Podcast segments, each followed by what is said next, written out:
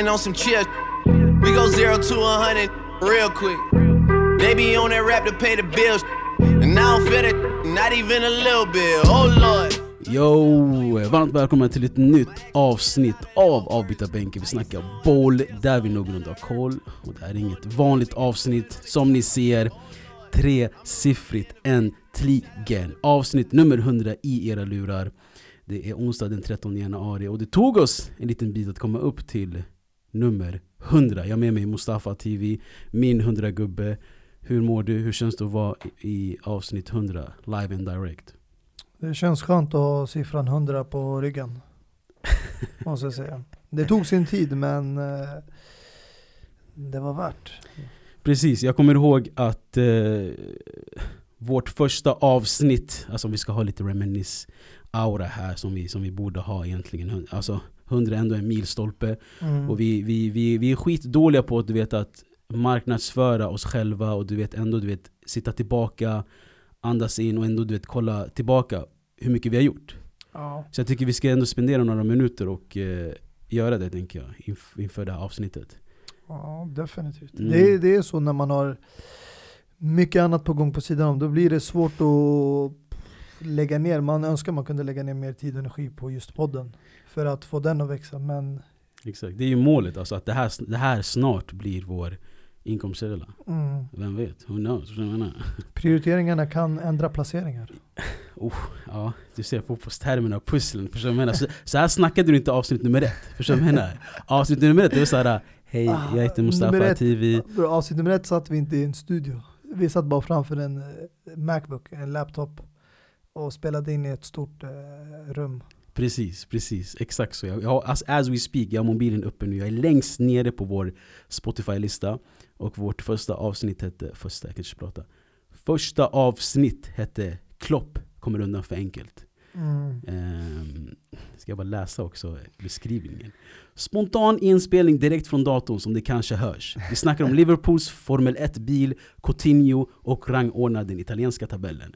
Mm. Vi hade ändå en professionell Det här var början på eh, den här Liverpool-eran med Precis. Klopp. Det här var 2018, Mm. 6 februari. Det var då det satte igång. Eh, Men de vann ju inget det året. Det var ju då Salah åkte på den där axelskadan i finalen. Och de Precis. förlorade mot Real Madrid. När hela Egypten och hela Nordafrika hatade Sergio Ramos. Mm. Eh, Medan hela Real och Spanien älskade honom. exakt, exakt. Ehm, men precis, jag kommer ihåg att jag eh, kritiserade Klopp under det avsnittet och sa liksom ah, så fort han liksom kramar sina, han behöver bara krama sina spelare ännu hårdare och le ännu mer mot kamerorna så, så, så är han fortfarande en Liverpool-tränare. Mm. Eh, så det är ändå kul att få smaka sina ord två år efter. Han har vunnit ligan och Champions League. Ja, men eh, det krävdes mycket, mycket arbete och flera år för att uppnå det. Så det var inte som att de eh, uppnådde det på några enstaka säsonger som Real Madrid gjorde med Zidane. Nej men exakt. Det, Alltså- tog, det var ett långt och jobbigt bygge så just då tycker jag att den kommentaren passade. Precis, och egentligen nu när jag tänker efter, nu när, när du sa de här orden högt så tänkte jag på Vad fan, vi är Jörgen Klopp. Mm. Vi har strugglat och du vet misslyckats och, och sålt Coutinho och grabbarna och sen Exakt. nu efter två år är, är vi här. Exakt, nej men det är det alltså folk de är alltid väldigt kritiska men jag tror Klopp-situationen just då det var en tränare du som hade gjort storhet med eh, Dortmund så man hade lite högre förväntningar än kanske nuvarande tränare som Solskär, Arteta och Lampard. De här har inte så mycket erfarenhet. De har inte coachat storklubbar tidigare så du, vet, man är lite snällare mot dem. Mm. Man är lite schysstare med kommentarer, man ger dem lite mer andrum, andas, de, får, de kommer undan lite mer. Men de kommer också få sin kritik, alltså om de inte förr eller senare behöver de Mm. leverera. Precis, vilket vi fick också. Vi fick kritik om att vad fan ljudet är skitdåligt, vad menar ni? Vi hade för Mm. långa avsnitt. Eh, så det Ja, jag menar, ja. alltså, vi, vi gick i parallellt med Jörgen Klopp. Ja, För vår Champions League var ju liksom att, att vi gjorde stora events i Folkets Husby tillsammans med Erik Niva bland annat, Bojan Djordjic. mm. Eh, våra ligatitlar är, är typ våra gäster vi har hämtat. Taha Exakt. Ali, Mohamed Said, Jonas Olsson, Martin Mutumba och så vidare. Eh, så jag tycker ändå det, jag vet inte om det är jag som är för djup och analyserar för mycket, men vad fan. Vi har Jörgen kloppat oss igenom den här... Här, de här Vi har åren. byggt upp eh, truppelaget. Precis, vi har fått våra Sala, våra Manes. Ah. Eh, Så det känns fett härligt. Och vi kan ju också nämna att eh, vi har gått från studio till studio. Idag sitter vi i en helt ny studio också. Vår resa tar inte slut. Man får anpassa sig Exakt. efter eh, det lokala området där man befinner sig. Exakt, alltså, alltså för oss tar det inte stopp. Om vi är i Husby eller Kista så hittar vi något där. Idag Mm. befinner vi oss i Alby, Rotermanvägen, shoutout till Changers Hub. Där vi fick låna deras studio. Så uh, möjligheterna finns, det är bara viljan som, som, som du ska ifrågasätta. Exakt. Vill man så kan man. Precis, men vad spontant då, innan vi går över till eh, det fotbollsmässiga. Vad, vad, alltså, vart ser du oss om the next two years? Om vi ska säga så. Alltså avsnitt 200, vart är vi då?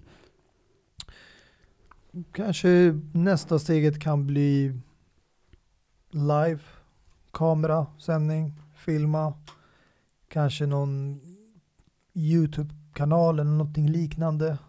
Där man kan få höra och se eh, när man diskuterar fotbollen och pratar om det aktuella. Jag tror det är en annan känsla att eh, kolla, du vet. Som du vet när man lyssnar på en fotbollsblogg eller när man kollar live, du vet studion eller Eurotalk och liknande. Precis. Att se dem prata och diskutera och du vet kroppsspråken, det är en annan känsla. Precis, det är en helt annan dimension vi kommer in i där också. Alltså det, är, det är nice. Och grejen är, men på ett sätt har podden, alltså ljudformen också sin charm. Folk ser inte nu Mm. oss, förstår du vad jag menar?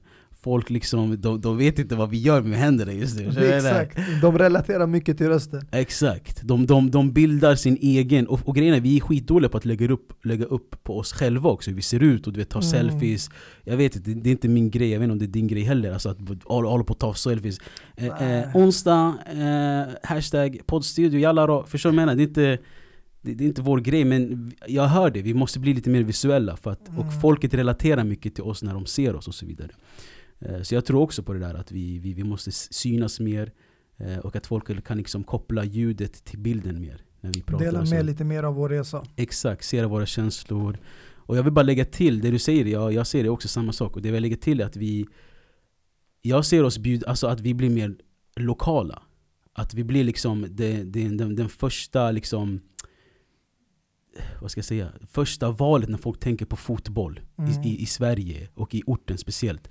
Att vi, hämtar, att vi vidgar våra vyer, hämtar flera gäster. Jag tänker mer på att vi hämtar kanske två åttaåringar, låt dem prata om fotboll. Deras perspektiv. Förstår menar? Det är jätteintressant att de har typ Kylian Mbappé som världens bästa fotbollsspelare och sin, sin stora idol. Mm. Att vi ser, alltså, sätter in oss i oss och sätter på deras skor. De är Ja. lite för små men fattar. Att vi, Ja, jag förstår. Någonstans kanske där vi, det, gränsen kanske där blir tonårsåldern. du där- menar åtta år är för, för Okej, Lite- åtta år jag kanske ja. tog vid, Åtta år, de går väl i tvåan? Ja det är lite Mm. för Men typ såhär 10-11-åringar. Men, ja, absolut, alltså, om man ska vara ärlig, nu med den teknologin idag, jag tror tonåringarna har mycket mer, alltså bättre koll på fotboll än vad vi hade i deras ålder. Mm. För de har ju tillgång till mycket mer information. Och eh, det är mycket lättare att få åtkomst till matcher, titta på matcher, följa nyheter och så. Precis. Nu är det ju lätt för oss också, men när vi var i den åldern så var det inte mycket, alltså det var mycket svårare att få tag på sån information och se matcher och Ja exakt, alltså, jag kommer inte ihåg hur jag såg Champions League-matcherna back in the days. Man gick och la sig 22.40 22.30 max, förstår du? Min, Mm. min, vår, vår läggdagstid och så vidare. Eh, Så jag håller med dig, det är, mycket mer tillgänglig för, eh, för kidsen nu. Och även alltså, jag tänker på att hämta så här, typ 60-åringar Kolla hur de ser fotbollen idag, det, också, det skulle också vara fett intressant. Mm. Eh, Så sånt ser jag mycket. Eh, Men eh, skitkul, vi är här i alla fall.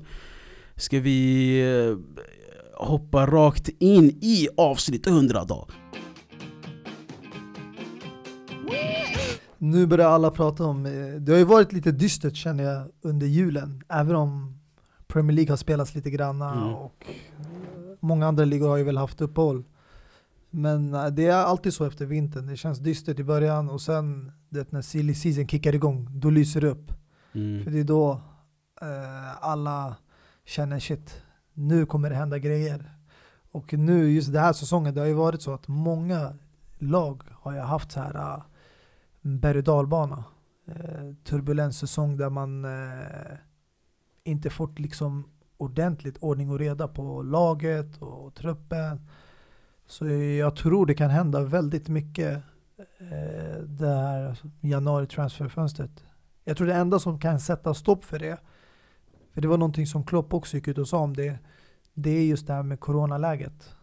Eh, Mm. Situationen med pengarna och likvida medel, det finns inte hos klubbarna just nu. Och det är det som kan göra att det blir inte lika mycket action som man förväntar sig. Precis. Eh, alltså vi är redan inne liksom halva januari och inget storslaget har hänt liksom. Mm. Egentligen. Och eh, det är som du säger, det är, ett helt, det, det är ett speciellt år och det har vi nämnt hela, hela tiden och vi kommer nämna det, vi kommer fortsätta nämna det så länge året är speciellt och tiden är speciell. Mm. Ehm, så, men grejerna, det finns ju en hel del, nu när vi är inne, ändå inne i silly season och jag har skiftat ämne helt Så kan vi bara fortsätta och landa lite där alltså, Det finns så många spelare, alltså grejen är så här man, man kanske ska förklara till, till, till, till dig som lyssnar också att Om ditt kontrakt har sex månader kvar i januari Mm. Så får du och dina representanter börja prata med andra fotbollsklubbar Exakt. Man får Mm. redan börja förhandla Precis enligt alltså, kontraktet. Att, utan att man bryter mot kontraktet. Att Pre- man eh, förhandlar. Exakt, och det finns ju en hel del spelare som har mindre än sex månader kvar i kontraktet som redan nu kan bli klara för en ny klubb och i juni så får de nya färger. Det är så sjukt och passande att just så här många spelare och inte bara vanliga spelare, ordinarie, men bra kvalitetsspelare har liksom sex månader kvar och ett kontrakt som håller på att löpa ut just under corona när klubbar inte har råd att spendera och behöver just de här bossmen, free transfers. Exakt. Eh, precis. Läget är ljust just nu. Just hur då? Hur menar du? För vilket? För många klubbar, för det är inte många som, det är, de flesta har det tufft under corona. Så att eh, sådana här spelare finns tillgängliga. Vi har ju lagt ut den listan också. Och det är inte vilka spelare, alltså vi pratar om världsklasspelare på alla positioner nästan. Ja, alltså jag tänker låta oss eh, nämna några i alla fall. Mm. Eh, eller de, de, de vi vill nämna. Jag kan ju börja med eh, Ska jag börja där uppe? ZZ Goat. Eller vem, vem det frågar, men the GOAT. One of the GOATs i alla fall. Mm. Lionel Messi, eh, det var ju en stor, stor snackis om honom i somras bara. Ja. Om man skulle lämna eller inte. Han kom med värsta intervjun till goal. Satte där med sina flip-flops. Och sa liksom, och han gick hårt in mot presidenten och Barca och så. Och Så så det här hade han är, en intervju nyligen också. precis. Eh, och det här är liksom del två av ifall Messi ska tagga eller stanna kvar. Men, men det lutar sig om att han kommer att vara kvar i Barca nu. Ja, det avgörs ju väldigt mycket eh, beroende på vem som tar över klubben och blir president. Och sen vem de hämtar in som tränare kanske. Om eh, nu kommer man få vara kvar eller inte. För det har ju snackats mycket om Xavi. Mm, precis. Men jag, jag tänker att Xavi kanske hamnar i ett samma läge som eh, Mikael Arteta kanske hamnar i, eller Frank Lampard. Att han ses som spelaren, mittfältaren, mittfältgeniet Xavi än tränaren Xavi. Eh, Alltså jag tror... Jag skulle säga någonstans mitt emellan där. För alltså, nu vet jag inte för att vi kanske inte har haft koll så mycket på Xavi för att han coachar borta vid Arabemiraterna. Och, eh, Qatar tror jag till och med. Ja, och där är ju fotbollen på en lägre nivå om vi säger så. Så man kan inte döma så mycket utifrån det. Men om han skulle få ta över ett lag som Barca, kvaliteten som det laget och truppen sitter på är bättre än Arsenal.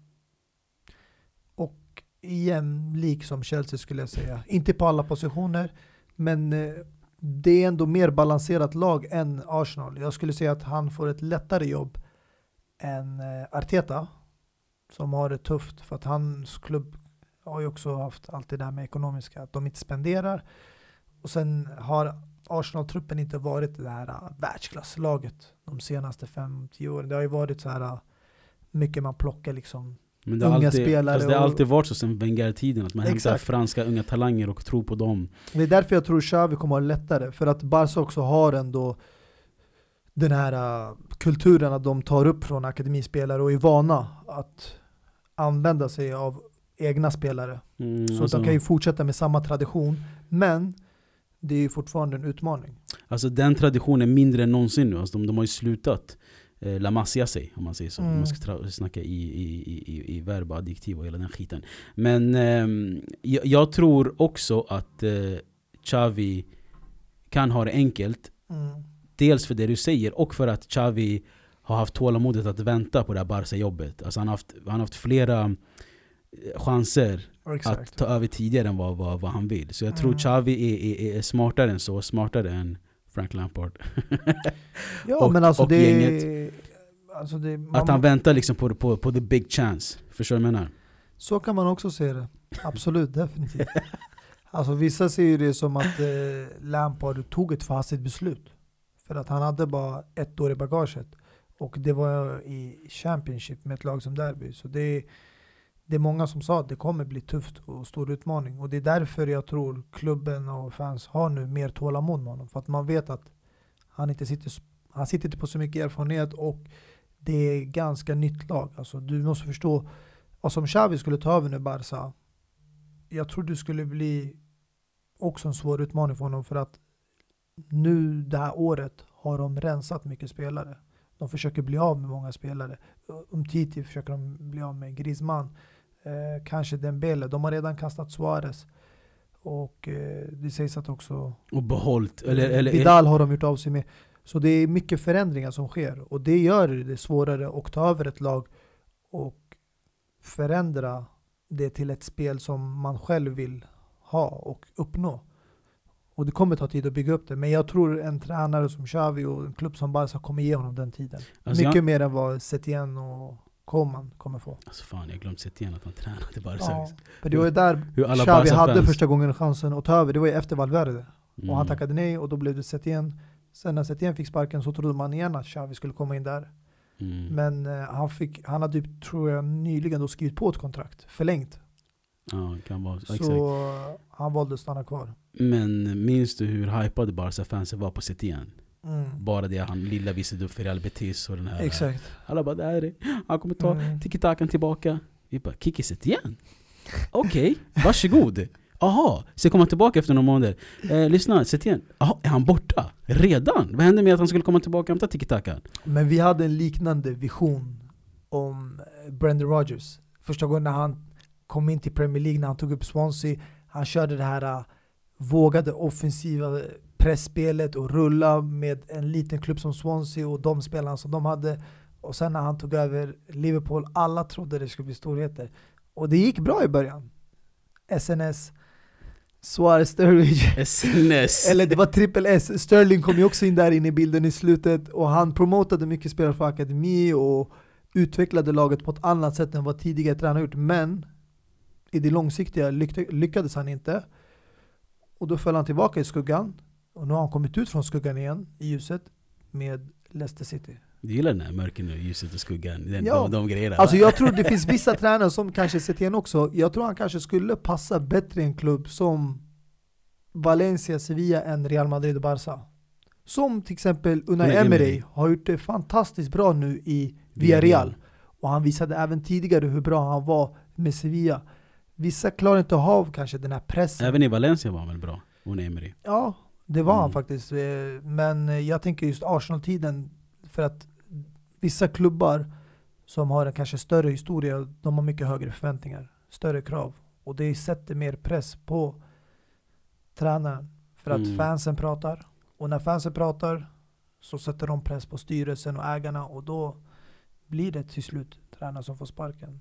Nej, en grej med Brendan Rodgers som jag vill nämna. Alltså, alltså det hans, hans storhet och storhet, men hans, hans sejour i Swansea, den byggde han på. Jag tror, om jag minns helt rätt, så var det han tog över Mikael Laudrup.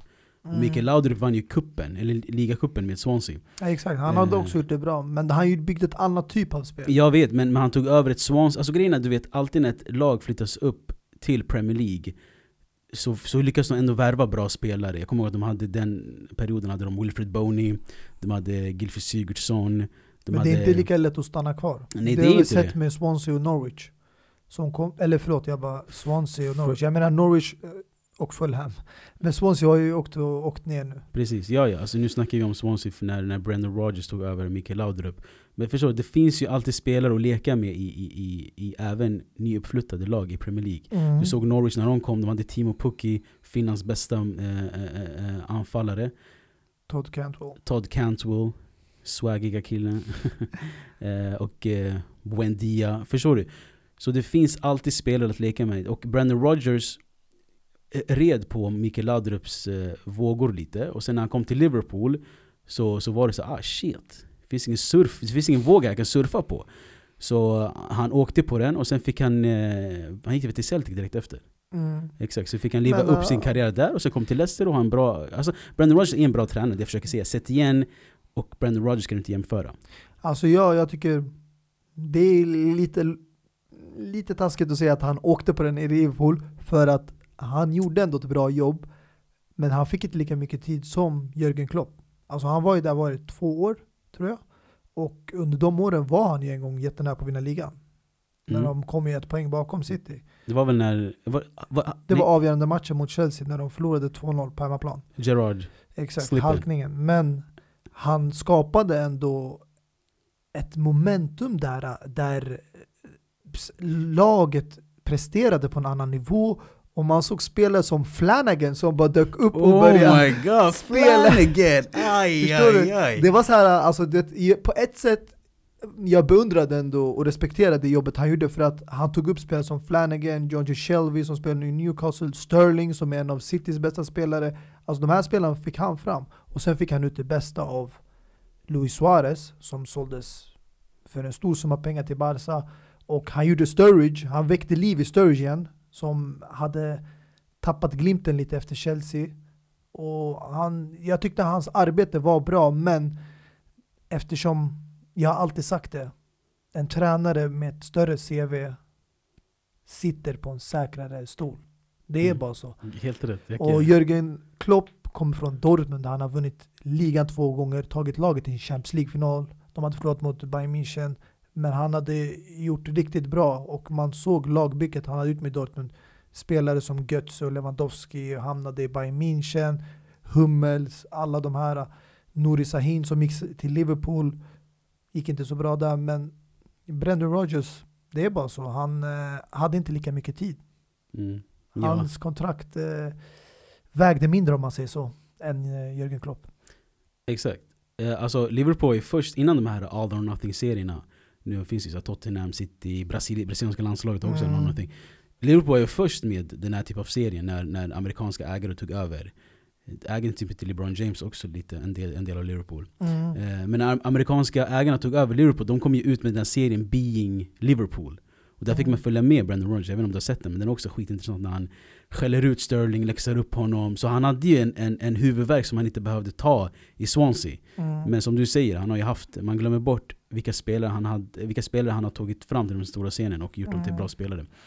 Men jag tänker på, vi var inne i en, i en intressant grej innan vi kom in i Brandon Rodgers och ja, de andra tränarna.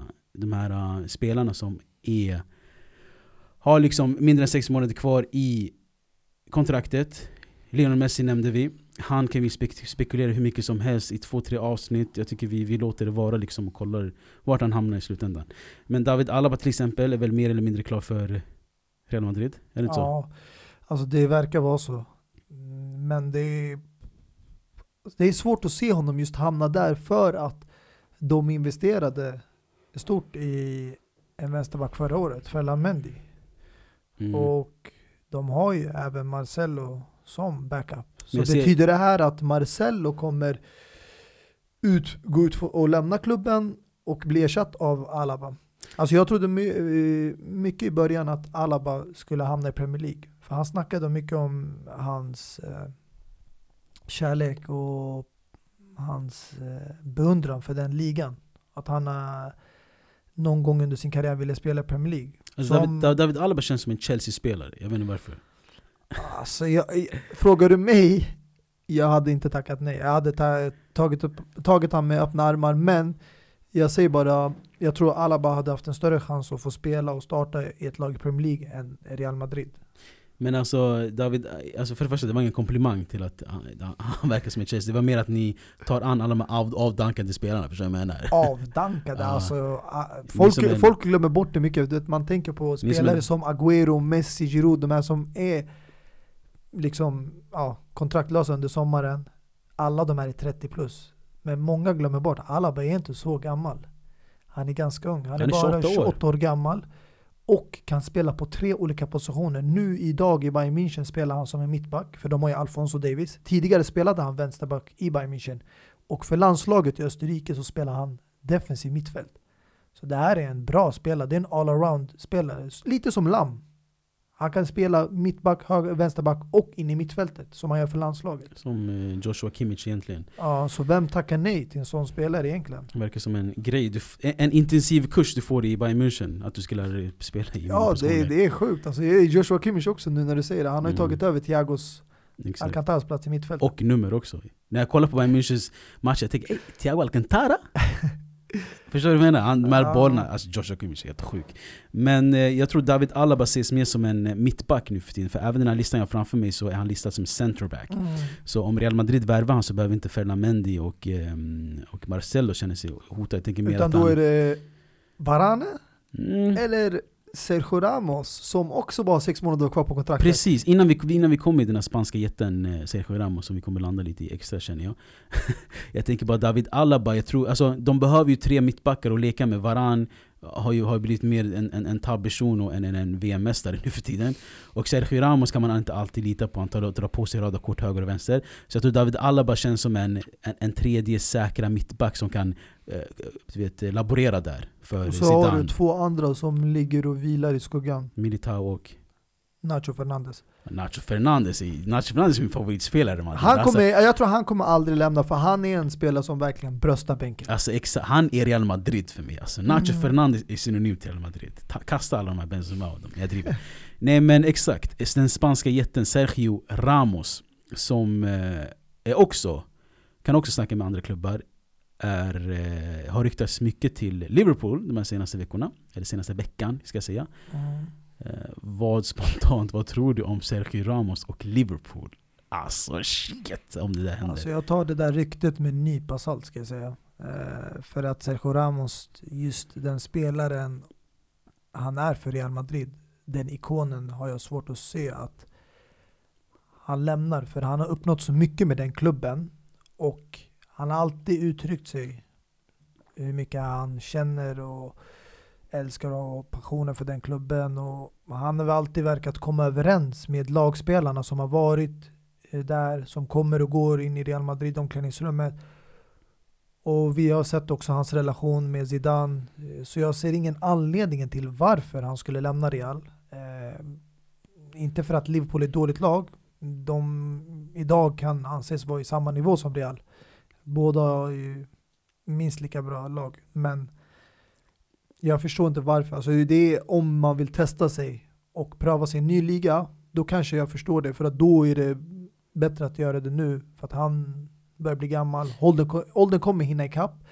Och eh, du vill inte gå dit för gammal för att eh, du vet också kanske Premier League, England, tuffare liga. Drabbas du av skada och du är i den åldern, det blir svårt att komma tillbaka. Mm. Så eh, jag skulle förstå det, men Men, men är inte, Ja. är inte det en tillräcklig, tillräckligt bra anledning att, att testa nytt? det är det. Men han har skapat den här imagen att han är en klubblegend. Så man förväntar sig att han ska bara vänta ut och spela ut sina år för att han har inte blivit sämre heller genom åren. Han presterar varje år på samma nivå. Och han är och anses en av världens bästa mittbackar, om inte den bästa. Så jag ser inte anledning till varför att eh, han ska lämna. Och Real Madrid och La Liga, det är inte som att det är en enkel utmaning. Det är en av de tuffaste utmaningar du kan få i din karriär inom fotbollen. Precis. Så Alltså, jag tycker, alltså, det är därför jag har svårt att se Sergio Ramos hamna i ett lag som alltså, Liverpool eller för den delen till ett annat lag överhuvudtaget. Men eh, händer det så kommer jag alltså, bli chockad men också lite lätt skrämd måste jag säga. för att eh, Sergio Ramos och Van Dijk som mittbackspar är inget att leka med. Eh, Det kommer kännas oslagbart. Alltså, mm, Sergio Ramos kom ju till Real Madrid hösten 2005, så han har tillhört Real Madrid sen 05, kom säsongen 05-06 Mm. och har vunnit, eh, vad blir det nu? Fyra Champions League, fem La Ligas och utöver det två EM-bucklor och en VM-buckla. Mm. Alltså, Sergio Ramos, som du säger, Han har ju vunnit allt du kan vinna som Ja, exakt. en eh, alltså, fotbollsspelare. Alltså han, är, han, han har varvat fotbollen. Mm. Han har varvat fotbollen. Så jag tänker, du, du nämnde hans potentiella mittbackspartner. För det första, Virgil van Dijk som åkte på en, en, en, en alltså, skitig skada mot Everton när, med Jordan Pickford när han saxade honom. För det första, hur vet vi att han kommer tillbaka som den Virgil van Dijk som vi, vi har lärt känna? Det är sant också. ett. Skadan eh, är oförutsägbar. Skador förändrar spelare. Mm. Helt och hållet. Eh, De gör dem mer, du vet, riskanalytiker. Om jag ska snacka, jag är fan lite jobbskadad nu. Alltså Men också, de tänker mer på risker, de tänker okej jag ska inte gå in i den här duellen. Så de blir lite fegare i den bemärkelsen att eh, de blir lite sämre på det också. Vill du veta varför jag tror Van Dijk kommer tillbaka till samma spelare? För att oftast de här spelarna, de här typerna du pratar om, som drabbas av en skada och kommer inte tillbaka i samma skick. Det är antingen väldigt unga spelare som man märker i deras tidiga karriär, de här är skadebenägna, de är glas, de går sönder hela Mm. tiden. Och de har inte erfarenhet av att hantera en skada. Så de klarar inte av det och de är inte starka mentalt. Eller så är man riktigt gammal och kroppen fysiskt, inte mentalt då, är inte tillräckligt stark för att klara av att återhämta sig från jobbiga skador så det tar längre tid. Men när du är där mitt emellan, mellan där 25 till 30 och du får en skada, då har du haft tillräckligt mycket erfarenhet för att hantera små skador och du är starkare mentalt som en fotbollsspelare.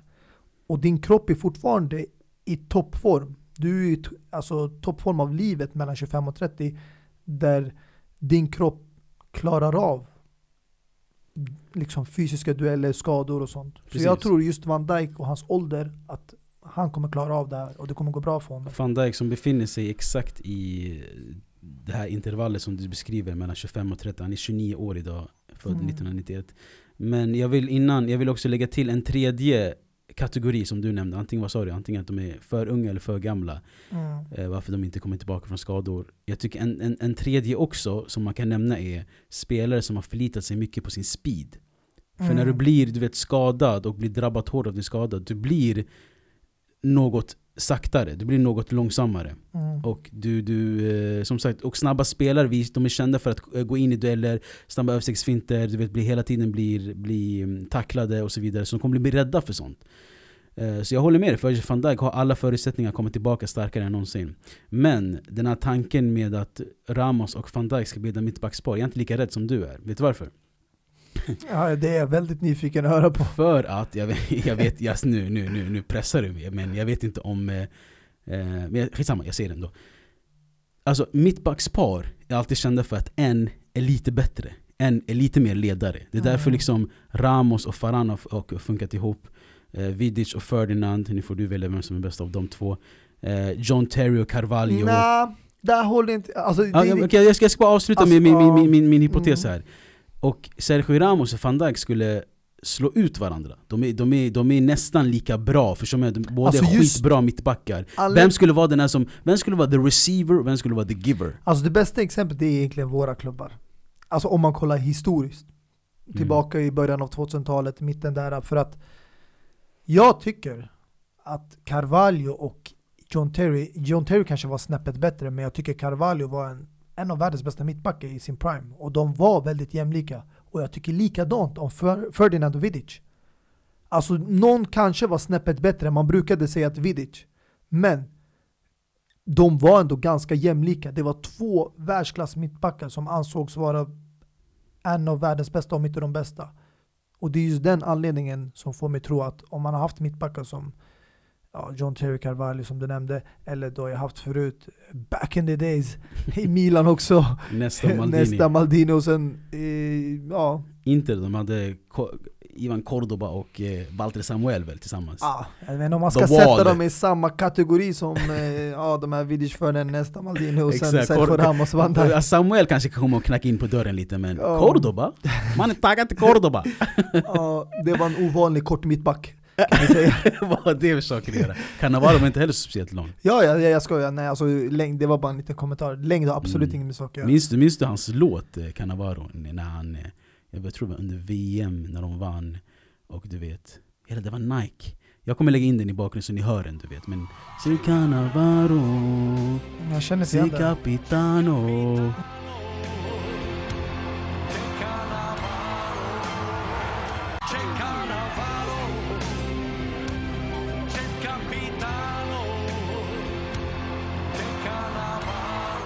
Det måste ha varit året när de vann VM och Något sånt där han det tog var, en Ballon d'Or. det var någon extra, någon Nike-reklam du, du, Om du lyssnar tillbaka på avsnittet kommer du få höra låten i bakgrunden när jag pratar Jag Mm. hoppas bara att jag eh, kommer ihåg att lägga in den annars är det skitstelt Nej Men, men, eh, ja, alltså nu när du pratar om det här med Sergio Ramos det, alltså, det kanske är så att om han lämnar så blir David Alaba hans ersättare. Att man ersätter en erfaren rutinerad spelare med en annan. Som har vunnit i princip lika mycket i klubblagsnivå, Fast som men inte landslag. Fast som vänsterback Som vänsterback och mittback. mm, Ja men alltså Förra han, året vann ju de trippel och då var han som mittback. Exakt, men han har inte lika lång erfarenhet som mittback som Sergio Ramos har Nej nej, definitivt inte. Men Sergio Men, Ramos eh, har en eh, alltså, Sergio Ramos har en lika lång eh, erfarenhet som högerback som David Alaba har som mittback Kan man säga Ja, För Sergio Ramos började sin karriär som högerback i Sevilla exakt. Eh, Och fortsatte lite också som... Eh, Och som de har haft, ja nu när du säger det, liknande eh, väg i karriären. Båda började som ytterbackar och nu Mm. båda mittbackar. Precis, ja, exakt. Det är många faktiskt som... Eh, exakt, jo, jo, jo, jag gillar det. Men eh, en annan grej också som eh, jag kom att tänka på när du nämnde alla de här eh, mittbacksparen. Det var att eh, det handlar inte bara om att någon måste vara snäppet sämre, om man får använda den bemärkelsen. Det är också att de måste skilja sig som mittbackar. Båda får inte vara likadana. Vad, vad, ska, de, vad ska de komplettera varandra Mm. då för? Vad Det menar? stämmer. Det är som typ Nesta och Maldini. Två Mm. helt olika mittbackar. Eh, Vidic och Ferdinand, två helt olika Men jag mittbackar. tycker de är två helt olika. Alltså när jag kollar på de här två, jag ser Van Dijk Båda, som den lugna, avslappnade och jag ser Sergio Ramos som den aggressiva och hungriga. Mm. Som bara springer ut i en duell. Men spelstilen då? Båda är starka i luftrummet, båda gör ju mål på hörnor. Det var Vidic och Ferdinand också. Båda var starka i luftrummet. John Mm. Terry Carvalho. Men jag menar, okej Sergio Ramos är ju snäppet bättre målskytt. Han är ju där alltid 90 plus minuten och nickar in och allt. Mm, Han är ju jo, känd för det. Jag kan Han kanske köpa till det. och med tar över straffarna. Vem är straffskytten nu i Liverpool? Han kanske säger till Mané och så alla lyssnare ta två steg tillbaka.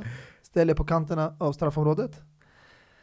alltså jag tror... Låt mästaren eh, ställa sig framför straffpunkten och hantera det här. Alltså jag tror inte någon kommer säga det så Firmino. Låt mig spela en tia, vad händer bra? Förstår du vad jag menar? Det här är en ny klubb, låt mig bara leka lite. Mm. Men eh, Sergio Ramos, på tal om straffar, han kom ju bort från det här ryktet, vet, den här satellitstraffen. ja, Vart var det? I Champions League? det var i Champions League semifinalen mot Bayern München med Mourinho. När, eh, det var inte bara han egentligen, Kaká också skickade iväg den. Så- Men så. man pratade just om hans för att just från kameravinkeln bakifrån såg det som att bollen lämnade arenan. Den kom inte så upp till läktaren. Alltså det fanns så många memes att bollen hamnade i Mars, i månen och allt det där. Alltså för det första, mashallah till din hjärna att du kommer ihåg exakt vilken match det var, att Kaká också, hela grejen. Mashallah, man tror du sitter framför en dator men det gör du ju inte. Du sitter helt bara med din nakna hjärna. Så Ah. mashallah. Eh, jag Tack så tänkte... ja, men nu, nu du flyger helt Jag ska plötsligt. bara knacka. Jag kände med Vilken- ögat här. Vilken, vilken luft du fick, du bara flyger i den där studion. Du bara chilla, kom tillbaka till set igen. Jag svävar. Men nej, jag tänkte på, um, exakt, han kom, han kom ju bort från det här ryktet satellit snabbt, du vet. Mm. Han blev en säker straffskytt nu, ingen snackar om den här eh, straffen. Men David Beckham snackar man fortfarande om att han halkade, John Terry snackar man fortfarande, Sergio Ramos ändå du vet, eh, Det är för att back. han eh, har ju blivit första straffläggare både för klubblag och landslag. Och eftersom han tar nu straffar hela tiden och sätter alla också och har blivit så bra på det så har man lagt det där bakom sig, man har glömt bort det för att han har blivit sån självsäker spelare bakom straffpunkten. Precis. Och det är inte bara för klubblag, det är också för landslag. Så jag tror det är det alltså, han har eh, bemästrat det. Jag tror det, han, det, det där missen fick honom att tänka på mycket. Och sen när Ronaldo lämnade Real, då fick han den där öppningen att bli första straffläggare. det blev, det blev en vändning i fanns där. karriären va? Det blev en räddning i karriären, så nu du vet, ingen kan prata illa om honom när det kommer till straffar. Men vet du, vet du en, en sista grej med Ramos, vet du vart hans självförtroende kommer ifrån tror jag? Mm, nah, alltså det, nej. Skägget. Schengen. Alltså fort han fick skägget, han gick från en pojke till en man direkt. Jag och tror fejden också. exakt, han, han släppte det där långa håret, jag fattar inte vad han gjorde. Han såg ut som en... Häst. vill, du sa det, jag, jag försökte undvika ordet häst. Men jag kommer ihåg, vi brukade Nej, men alltid... jag kommer ihåg memesen, det var roligt när man var yngre, man kollade du vet, när han hade det där pannbandet och långa håret och ansiktet utan skägget. Det, det, det var liknelsen som man ofta såg på vet, media och sånt. Det var- det Men var- alltså jag- det var bara liksom rolig Nej, vi skämt. brukade skämta om att du vet, han och Kedira spelade ju samtidigt en stund. Ja, Att det var två hästarna i stallen. Alltså det är för att de har det där långa ansiktet du vet som en häst. och båda hade långt hår och pannbandet. Precis, och den där öppna munnen du vet. Men Eh, eh, ja, fy Nej. fan vilken eh, eh, alltså förvandling han gjorde ändå. Sergio Ramos, alltså det är, du vet, så fort titlarna började rulla in, det var mm, då pengarna, kontraktet, Precis. allting bara förändrades. Han, han har ju en... ehm, det finns en youtube-klipp på honom när han eh, kommer in och överraskar sin fru i något talkshow-program med en gitarr. Mm. Och du vet, sjunger. Shit. Så jag ser till självförtroendet kommer. Sen har han en, en Kan spela gitarr också. Exakt, han har en eh, dokumentär i Amazon Prime också tror jag. När han, Mm. man får följa med hans liv och så. så Sergio Ramos har ju... Man har följt med hela hans... Alltså det är så sjukt, man har följt med hela hans karriär verkligen. För Sevilla till den han är idag. Mm. Men jag tänker på innan, vi, vi, vi har fan snackat en, en bra tid eh, nu. Jag tycker bara vi, vi fortsätter lite med några till spelare som kan komma och lämna. mm. Eh, Gigi Donnarumma, eh, Italiens Ja. bästa målvakt, kanske världens, eh, hävdar många. 21 år. ja, Eh, och har, väldigt ung måste jag säga och eh, har spelat ändå ganska en hel del fotboll. Över 200 matcher, Ja. ligamatcher.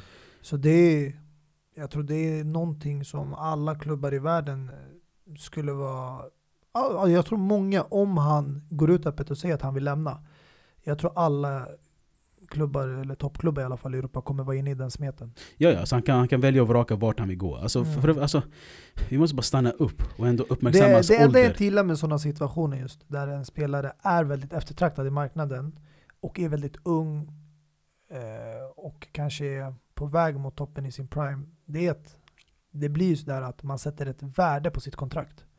Mm. Och då blir det så här som att istället för att du går till verkligen den klubben som du tror på, på projektet, på den tränaren du vill spela för och det laget eller den ligan, så handlar det just om vem som erbjuder mest pengar på bordet och signing on bonus och Mm. kontrakt och längden på kontrakten, antal år. Så det blir som ett budkrig. Jag gillar inte sånt helt ärligt. Mm. Alltså jag tror så här. jag tror både Gigi Donnarumma och Hakan Çalhanoğlu, båda har ju liksom, eh, kan snacka med andra klubbar. Mm. Att båda tänker, hmm, vi får se liksom hur det går med, till, med Milan fram till 29 januari. Exakt. Inte Om- 29 januari, alltså jag tror de kommer vänta ut det till sommaren. Alltså helt ärligt. men grejen, För då, att då de förlorar vill ju veta ju... hur säsongen slutar. Så du menar att Milan har, har, har struntat i att, att försöka ens kamma hem pengar om de ska sälja dem? Jag tror det. Alltså jag, just eh, Donnarumma-fallet, eftersom han är från akademin och så, så tror jag att de har hopp om att han kommer förlänga. För de satt ju en liknande sits med honom tidigare.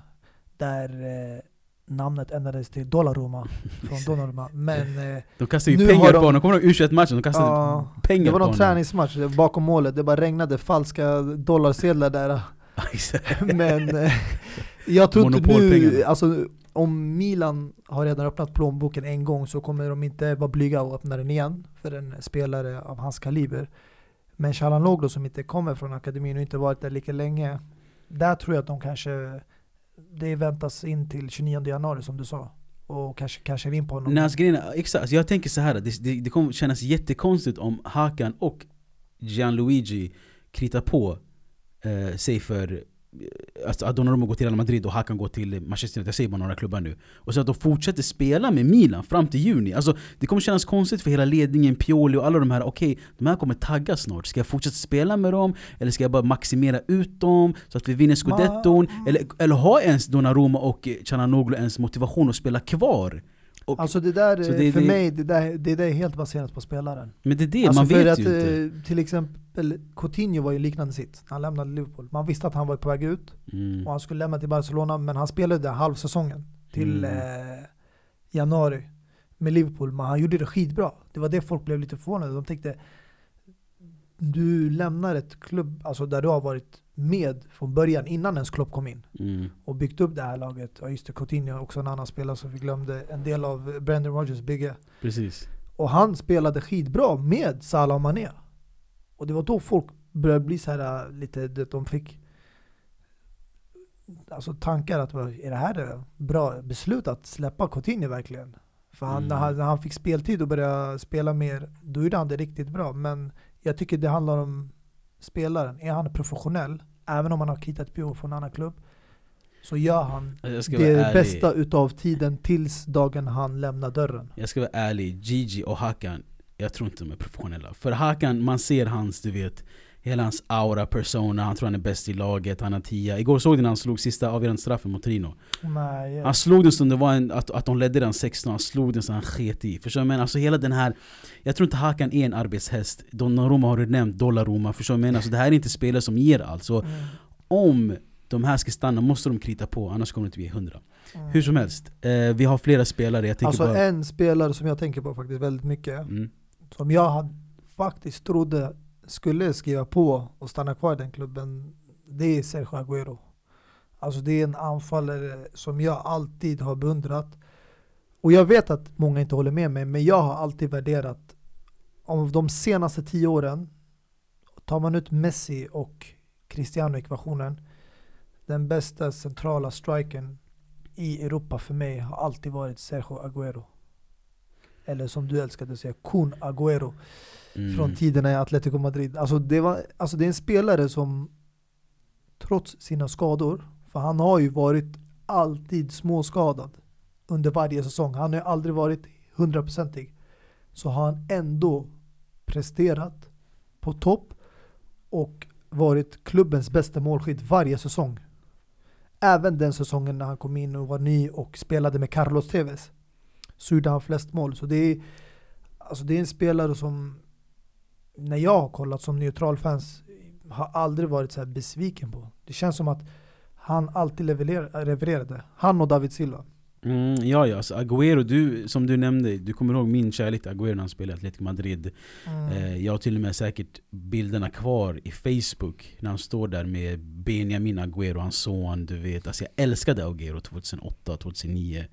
Men så fort han gick till den, eh, the wrong side of Manchester så dog Ja. kärleken, jag klippte banden, jag började kalla honom för Sergio igen, kon var inte någonting att- nämna igen. Det sjuka i historien det var att han var ju på väg till Chelsea. Men Atletico Madrid stoppade köpet.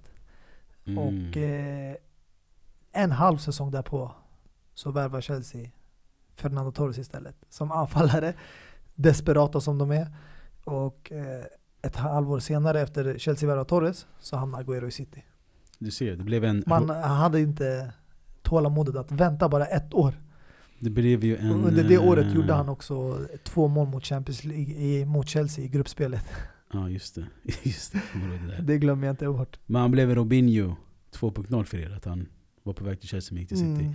Eh, Jag kommer ihåg hans eh, debut, Sergio Agüero, när han satt i bänken mot Swansea, vill Mm. jag säga. Ja, Kom in det var den matchen. Visst det var var det bra minne, jag gillar det. Mm, jag ser, jag försöker tävla lite mot dig. Och hur många mål gjorde han den matchen? Två mål. Ja. Och Jag kommer ihåg också den här matchen när han spelade mot Tottenham när han höll emot Michael Dawson Som Ah. var typ två meter lång såg det ut som jämfört med Agüero Och sen kommer jag ihåg när han satt i bänken med Balotelli när de höll på vet jiddra med varandra alltså, Agüero har varit med länge i City men nu för tiden spelar han inte ens fotboll längre det är det, man, han, glöm, han, han glöms bort eh, Och det skulle vara jättekattigt att se han tillbaka i Atletico Madrid alltså. Tillsammans med Luis Suarez om Diego Costa lämnar nu De Mm. spelar med två anfallare i Atletico Madrid Det skulle vara Mm. skitkattigt att se Suarez och Agüero Det skulle vi. Men Oh. ryktet säger ju nu att han kommer bli Suarez ersättare i Barcelona. Ja, Det är den, det den är jag inte att lika han hypad ska på spela tillsammans med sin landslagsman Messi. Och sin bästa vän Och de utanför tror jag fotbollen. att, jag kan tänka mig att Barca, en klubb som dem, kan använda en värvning och ett köp av en spelare som Agüero som ett sätt att locka Messi och förlänga kontraktet och stanna kvar. Precis. Ja.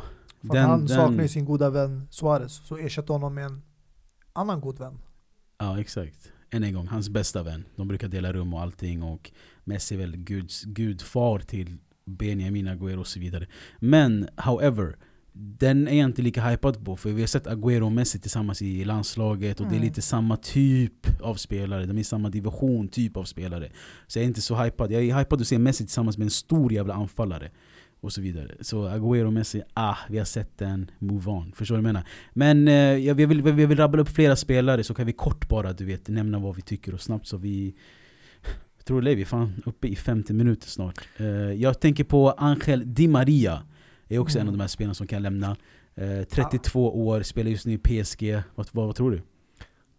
Alltså jag skulle bli chockad uh, om inte han förlänger, eller om inte PSG erbjuder honom ett kontrakt. Jag, jag vet att åldern säger en del, men jag tycker Di Maria, kollar jag på förra säsongen så ja, han visade inte något prov på att han börjar bli slöare. Mm. Jag tycker han fortfarande levererar. Så om han inte får ett nytt kontrakt, eh, jag tror många klubbar kommer vara ute och liksom nosa. Sen är det ju vissa klubbar som nu för tiden prioriterar ålder före. Men jag tror många klubbar skulle ta emot honom med öppna armar. Ja, ja, även jag här. tror inte Spanien, och jag tror inte England, för att han har dålig erfarenhet från England. Det kanske är sånt där att folk säger att han kommer för att redeem himself, men jag tror inte det, inte den här åldern. Jag tror Serie A, eller kanske Tyskland, Bundesliga. Skulle inte mm. chockera mig till exempel Bayern München, för de hämtar ju så random spelare varje år. Förra året var det Coutinho, Perisic. Det här året var det Douglas Costa. Yttrar det hela tiden, och de fyller på. Så Douglas Costa är ju också bara på lån tror jag. Eh, så varför inte bara byta ut en annan, en spelare mot en annan och testa lite nytt? Mm. Vi får se Manchester United hatar en a.k.a. Angel Di Maria. Uh, skitbra. Alltså grejen är, jag har en bild i, i, i min hårddisk där man kan få se exakt den här bilden jag la upp med Dani Alves. Mm. Har jag lika, hans, man får se hans assist. Har jag likadan bild med, med Angel Maria. Jag ska under lägga upp den. Eh, tiden i Real Madrid? Jag tror under Real Madrid eller under hans karriär, jag vet inte något sånt där. Men han är, Angel Maria är en så jävla bra spelare. Så det är mm. bara det att han har ett tjafsansikte. Det är ja. det man, man, man stör sig på, men han är så jävla bra. Eh, fler spelare då. Jorginho Wijnaldum kan också lämna. Jag tror den är också trolig för att han ryktades till Barca när Koman kom. Mm. Eh, nu kan de få honom helt gratis. Och eh, det är ganska stacked i mittfältet. Med Thiago Alcantara, mm. Curtis Jones börjar ta, ta mer plats. Jag tror han kommer lämna. Alltså. Det känns som att Wijnaldum befinner sig i samma sitt som Emre Can gjorde i Liverpool. Mm, ja, exakt. Så, frågan är bara vart kommer han ändå hamna i Barca? Mm, nej, jag tror inte Jag tror det tåget har gått. Mm. Mm, ja, vi får se. Den är också intressant alltså. Det som jag är nyfiken på det är Diego Costa. Om mm. han blir kvar i Europa, vart hamnar han? För att jag vet att det finns mycket rykten som säger att han kan hamna i Kina. För han hade ryktats dit tidigare och blivit erbjuden ett eh, fet kontrakt. Men, men han har lite så här, kinesisk aura-flytt på det Det är det jag känner också. Det är, jag känner att han är sån här uh, tjafsig och kaosmänniska som mm. man vill mm. bara se han i kameran där uh, via du vet, Vesat eller Simon och sånt. Men uh, alltså jag tror att Diego Costa hamnar i Premier League eller Serie A. Om jag ska vara ärlig. Jag tror antingen han kommer göra en comeback till Premier League men det är det, vart ska han gå? Det känns som att han skulle kunna ta Girouds plats i Chelsea Mm. Det skulle vara en mm. sjuk comeback med Lampard. Mm. Eller Serie A. Exakt, vi snackade ju om förra veckan om eh, hans potentiella flytt till Milan. Mm. Det gjorde vi ju, så den, den finns ju också fortfarande kvar. Alltså för mig, Serie A kommer alltid finnas med i mixen. För det, det har ju fått en lite av en stämpel, måste vi ändå vara ärliga, som en pensionärsliga. Mm, ja, ja. Alltså, jag, Serie A är den bästa ligan idag, för mig i alla fall. Den är, den är så jävla underhållande. Uh, och jag kollar hellre på italienska matcher än inte engelska matcher, där ljuger jag. Mm. Men Giroud, alltså, ja. han verkar ju vara en spelare som kommer definitivt hamna i Serie A. Och det har ju ryktats väldigt mycket om Milano-klubbarna. Vet du vart jag ser Giroud? Jag ser honom som en Napoli-spelare, jag vet inte varför. Men en så här, det gick inte bra med Milik, Milik som också har, eh, är med i den här listan på att han kan Det sjuka äh, är att Napoli nu idag sitter på Milik, Llorente och Petagna. Mm, exakt. Alltså det är för många anfallare, de måste tömma eh, skåpet. Vad sa du? Petang, Petagna? Llorente är fortfarande kvar. Uh. Och Milik. Det här är tre de samma typ av spelare, du vet mm. den här, de här trädspelarna bara, stora stockarna, ta in de sista 85, bara tjafsa i luftrummet. Eh, och så. Så, alltså, när jag ser Giroud som en Napoli-spelare som, som ska komplettera det Dries Mertens och Lorenzo in- inte kan göra. Det skulle Mm. vara fint att se. Men om vi fortsätter lite snabbt då. Memphis Depay, blotta 26 år. Hans market value, 45 miljoner. Spelar idag i Olympique Lyon. Alltså Depay, jag vet inte, alltså jag... Det är, det är ett riktigt jokerkort. För att han har ju alltid haft det här uh, hypen runt omkring sig. I, tidigare i PSV och nu i Lyon. Men eh, man fick inte se någonting av det. I United. eh, Man man se, trodde man fick nu se. man kanske skulle få se någonting i Barca.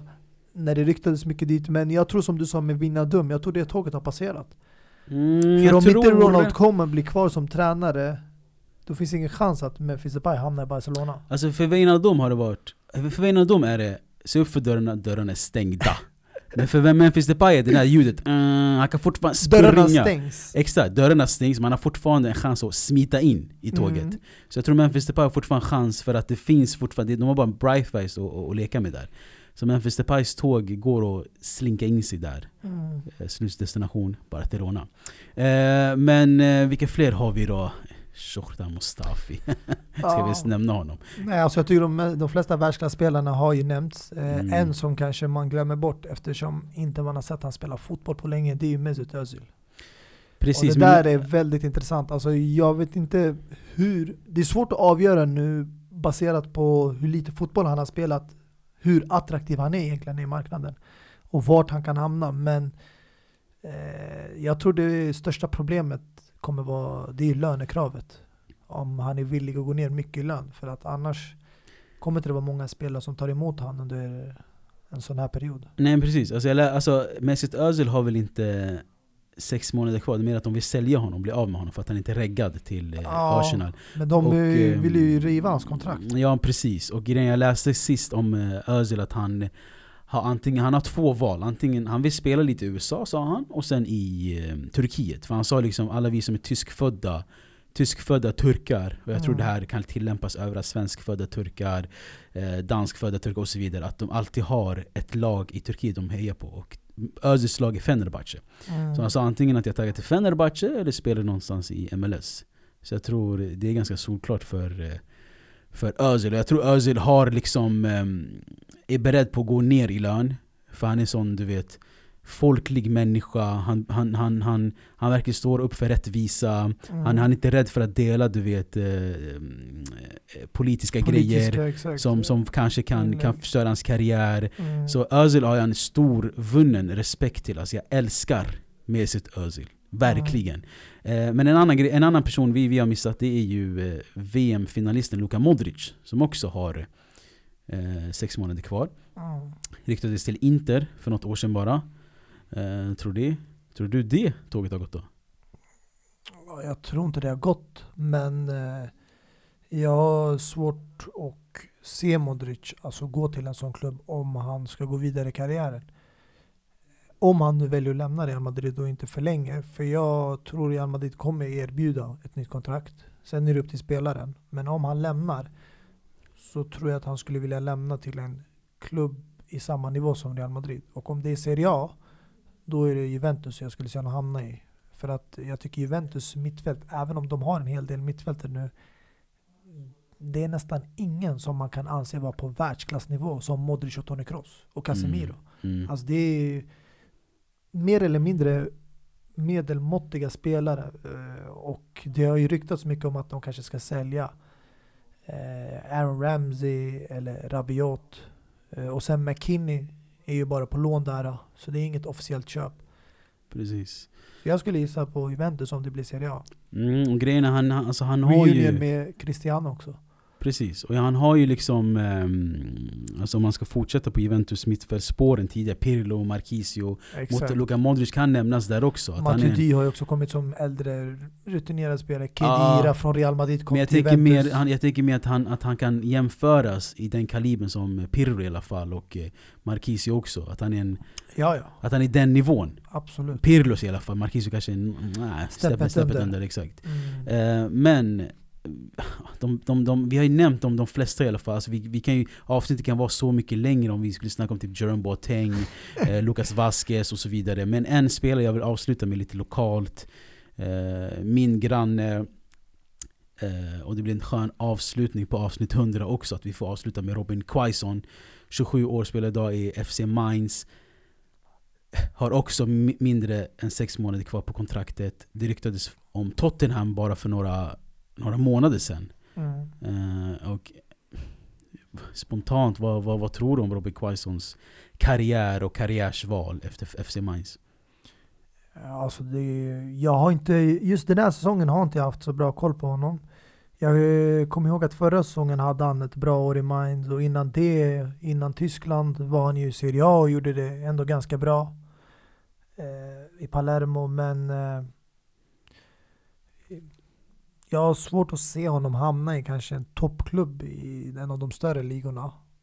För jag tror inte mycket kommer avgöras vad han är ute efter. Är han ute efter pengar, kontrakt eller är han ute efter speltid? Om det är speltid och fotboll han vill eh, söka sig efter, då tror jag han måste gå till lite de mindre klubbar om han ska gå till eh, toppliga. Men jag, jag hoppas att vi får se honom faktiskt, kanske i Premier League eller för den delen i La Liga. För att mm. han har mm. varit nu redan i Tyskland och Italien. Precis. Och det är en av de två största ligorna också. Så det skulle vara roligt och intressant att få se honom kanske i ett lag som Everton eller Leicester City i eh, Premier League. Eller kanske i Villarreal. Mm. Ja, eller ja, alltså- Valencia alltså. i eh, ja, La Liga. Så jag hoppas på en sån flytt faktiskt. Precis. Alltså jag tror till och med, alltså Everton och Leicester hade han nog nötat bänk om vi ska vara ärliga. Är det så? Ja, ja. Alltså han har alltså ju, nu, nu, alltså Everton idag. Bror, jo men Leicester City, jag tänker, jag tänker alltså Jamie Vardy spelar ju inte ensam anfallare. Mm. Han brukar ju spela med Ayos Perez, så jag tänker han kanske får klämmas in där och rotera med Ayos Perez. Mm, jag vet inte, de har redan en svensk i Everton i alla fall. eh, målvakten eh, Robin Olsen, nummer 33 där. Samma sak i Everton, får... jag känner liksom... Ja, han kan. Alltså peta en spelare som Iwobi. Han kan inte. Bror. Så, nej, ja, jag vet alltså, Jag ser han i West Bromwich om jag ska vara ärlig. jag tror, må, många, jag tror problemet är att många lägger för mycket fokus på individuella skicklighet. Du måste tänka att ibland kan en pusselbit passa mycket bättre i det kompletta pusslet än en annan. Även om den andra pusselbiten som du byter ut är skickligare individuellt. Så det, det, det är någonting man måste ändå tänka på också. Så om något lag gör den typen av värvningen är det för, är det för kanske den anledningen de anser att den här spelaren kommer passa in i mitt spelsystem och i min mm. filosofi. Och jag gillar hans typ. Jag har sett han, följt han i Tyskland och Mainz och kanske tidigare i Syria. Så det är därför jag tror om han gör den flytten till någon av de här ligorna han kommer få chans att spela. Men sen gäller det också att prestera om du ska ha en startplats. Levererar du inte, självklart hamnar du på bänken.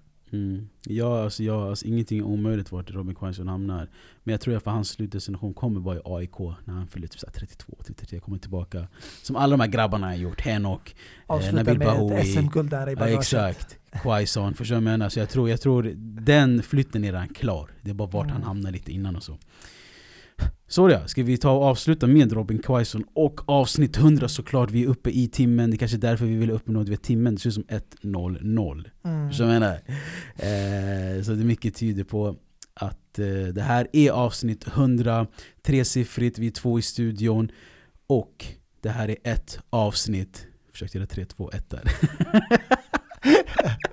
jag såg det. Ja exakt. Eh, sådär ja. Vi fortsätter på. Eh, jag ser det här som avsnitt ett. Jag kommer, vi kommer fortsätta så länge fotbollen fortsätter och så länge vi fortsätter med liv. Eh, det här är en del av vår livsstil. Nytt år, nya tag. Precis. Kör vi! Being on some chill We go zero to a hundred real quick They be on that rap to pay the bills And I don't feel it, not even a little bit Oh lord Know yourself, know your worth. My actions being louder than my words. How you so high, been still so down to earth. Wanna do it, we can do it on the turf. Oh Lord, I'm the rookie and the vet. Shout out to the I holding down the set. All up in my phone looking at pictures from the other night. She gon' be upset if she keeps scrolling to the left, dog. She gon' see some that she don't wanna see. She ain't ready for it. If I ain't the greatest, then I'm headed for it. Yeah, that mean I'm way up. Yeah, the six ain't friendly, but that's where I lay up. I'm up, lay up. I been Steph Curry with the shot, been cooking with the sauce, Chef Curry with the pot, boy.